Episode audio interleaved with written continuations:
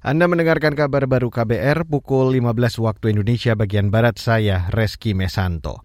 Saudara Presiden Joko Widodo menerima kunjungan Menteri Luar Negeri atau Menlu Republik Rakyat Tiongkok atau RRT Wang Yi di Istana Merdeka, Jakarta.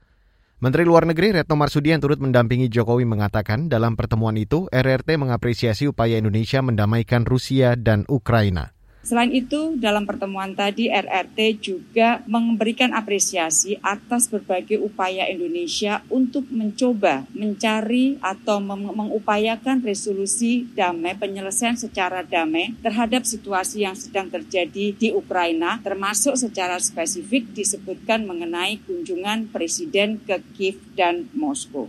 Menlu Retno Marsudi juga menyampaikan salah satu agenda kunjungan pemerintah RRT ke Indonesia adalah untuk memperkuat hubungan bilateral dalam hal perdagangan dan kesehatan.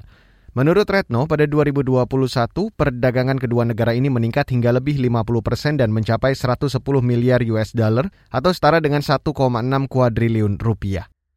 Beralih ke berita selanjutnya, Saudara. Menteri Koordinator Bidang Pembangunan Manusia dan Kebudayaan atau PMK, Muhajir Effendi menyebut, Selama ini masalah penyaluran bantuan sosial atau bansos ke masyarakat masih terkendala berbagai hal, salah satunya pendataan.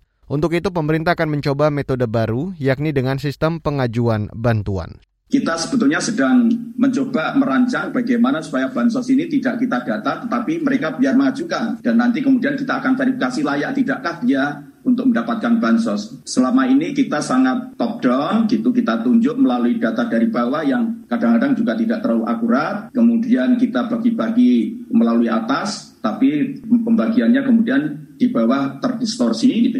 Kalau itu nanti akan kita coba lakukan di bansos mungkin akan jauh lebih efektif, lebih efisien. Menko PMK Muhajir berharap metode baru dan sistem digitalisasi melalui penggunaan ponsel bisa mempermudah pengajuan tanpa harus menggunakan kartu keluarga sejahtera atau KKS. Pasalnya, sampai saat ini masih ditemukan permasalahan KKS tidak dimiliki oleh keluarga penerima manfaat, bahkan dipegang oleh sekelompok orang atau pengurus.